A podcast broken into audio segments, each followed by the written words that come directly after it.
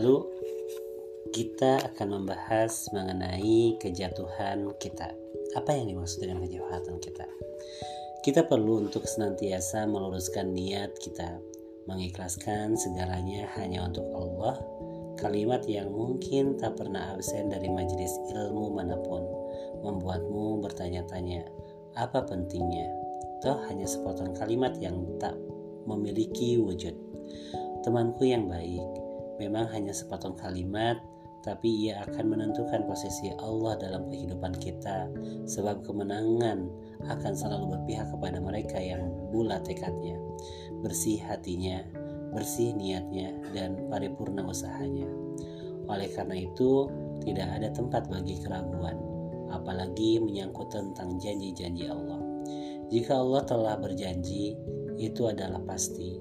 Semuanya terbukti. Pada perang Badar, pasukan Muslim datang dengan keyakinan dan kesempurnaan iman. Mereka bersatu patuh dalam satu kepemimpinan. Tidak ada yang diharapkan selain Allah. Perhitungan perhitungan dunia tak berlaku ketika pertolongan Allah begitu nyata. Para malaikat turut berada di sisi mereka Inilah buah dari ketaatan dan keimanan yang sempurna, hanya untuk Allah semata.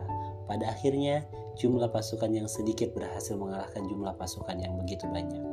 Tapi, ketika di lembah Uhud, kala pasukan pemanah kaum muslim tak patuh kepada perintah Rasulullah SAW untuk tetap berdiam di posisinya, mereka tergoda harta ganimah. Mereka tak mampu menahan diri mereka dengan serakah mengejar harta. Mereka tak mengindahkan perintah Rasulullah, Rasulnya.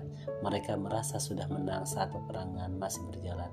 Kelengahan mereka menyebabkan musuh menyerang balik pasukan muslim.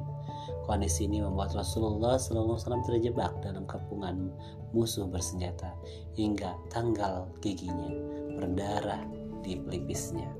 Hamzah bin Abdul Muthalib gugur dalam perang ini. Hamzah bin Abdul Muthalib merupakan paman Nabi Muhammad. Dalam peperangan ini, kaum muslimin harus menelan pahitnya kekalahan. Banyak korban yang berjatuhan dari kaum muslim.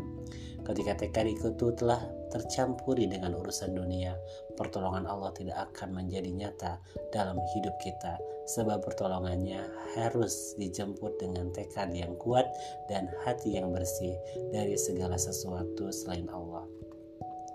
Mari memeriksa kembali hati kita siapa yang paling bertahta di dalamnya apakah Allah atau malah selain darinya kejatuhan kita adalah kelalaian dari diri kita sendiri keikhlasan ikhlas adalah perjalanan seumur hidup bukan barang sekali saja. Untuk mencapainya, kita membutuhkan perjuangan dan kesabaran serta doa-doa tak terputus. Mohon kepadanya agar mohon kepada Allah agar dihadiahkan keikhlasan di dalam hati kita. Semoga kita selalu mampu untuk membuat hati dan perkataan selaras benar-benar ikhlas melakukan segala sesuatu karena Allah. Memberi kesesatan dengan petunjuk.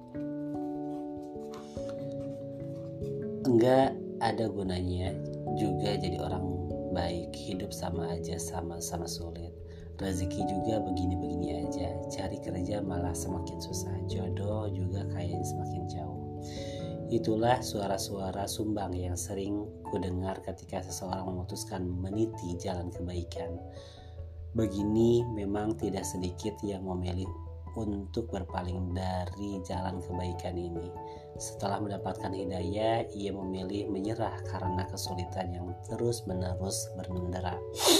Padahal sebenarnya tak di tak di jalan kebaikan pun kesulitan itu tetap akan ada. Bahkan yang terjebak dalam maksiat hidupnya tidak selalu mudah. Jangan kita merasa Allah tak memberikan pertolongan-pertolongan Allah bukan tidak ada, tapi kita saja yang barangkali tidak menginginkan dan tidak mengusahakan. Kemudian, kemudahan tidak ada selalu berkaitan dengan kebaikan, karena kemudahan dekat dengan kelalaian. Bila semua berjalan mudah dari mana kita mau tahu arti perjuangan, arti pengorbanan. Setiap kesulitan yang menghimpit kehidupan kita harusnya semakin menyadarkan diri kita bahwa kita ini hanya manusia yang tak punya kuasa. Semakin sulit harusnya semakin dekat hubungan kita dengan Sang Pemilik semesta. Karena solusi hanya ada di sisi Allah, bukan pada kata menyerah. Bukankah kesulitan itu menempa kita? Apabila kita mampu sabar melaluinya bukankah Allah berjanji akan menyertai kita menjanjikan surganya Allah? Janganlah kita menjadi orang-orang yang membeli kesesatan dengan petunjuk dan membeli kekafiran dengan keimanan. Adakah yang lebih merugi daripada itu? Mereka itulah yang membeli kesesatan dengan petunjuk maka perdagangan mereka itu tidak beruntung dan mereka tidak mendapatkan petunjuk Jalan menuju surga memang tak akan mudah, apalagi bagi diri yang sudah begitu lama terikat dalam dosa-dosa. Hanya saja kesulitan-kesulitan itu yang akan melepaskan ikatan dosa-dosa yang menjadi jalan Allah mengampuni kita dan mendekati mendekatkan kita kepada surganya. Libatkan Allah dalam setiap langkah kita menuju ketaatan agar datang pertolongan. Sebab bila kita hanya bersandar kepada diri kita sendiri, tak akan mampu kita mengarungi jalan panjang ini. Walau terasa berat, walau kejenuhan semakin memuncak, kita tetap tak boleh kehilangan ketaatan. Kita tak boleh kehilangan keimanan. Bila hati mulai condong kepada keburukan, segera bawa ia kembali dalam jalan kebaikan agar selamat kita sampai tujuan. Istiqomah memang butuh perjuangan Sesulit apa pun, bertahanlah.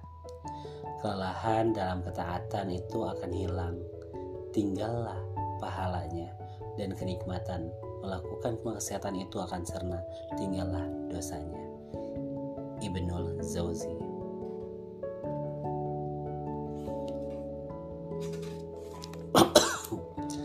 Jaminan surga Rasulullah Shallallahu Alaihi Wasallam sudah mendapatkan jaminan surga. Bahkan beliau adalah pemegang kuncinya. Namun tidak hari tanpa Rasulullah SAW lewati dengan memohon ampunan kepada Allah.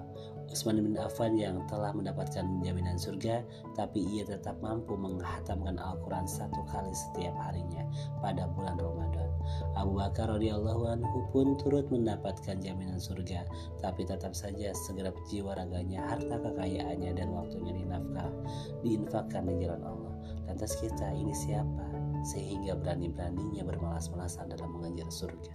Masya Allah. Allahu a'lam والسلام عليكم ورحمة الله وبركاته.